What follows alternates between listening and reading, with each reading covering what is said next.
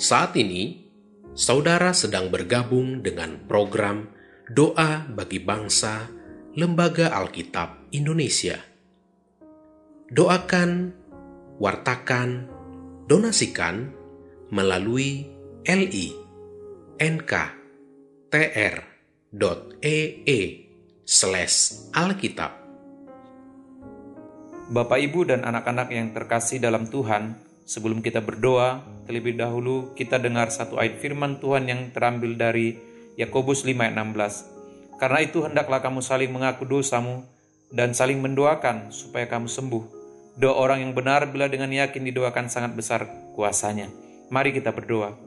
Bapa yang kami sembah di dalam Yesus Kristus, kami bersyukur karena penyebaran COVID-19 semakin menurun dan PPKM telah diturunkan hingga level 1. Kami berdoa kiranya Tuhan menolong upaya pemerintah dalam menangani kondisi bangsa agar semakin membaik.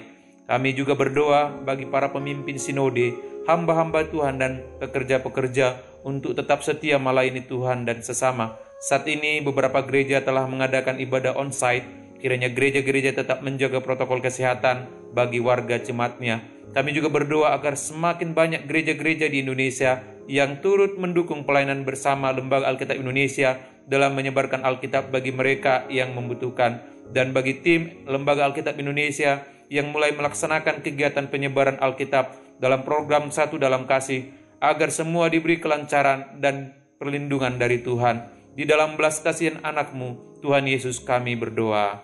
Amin.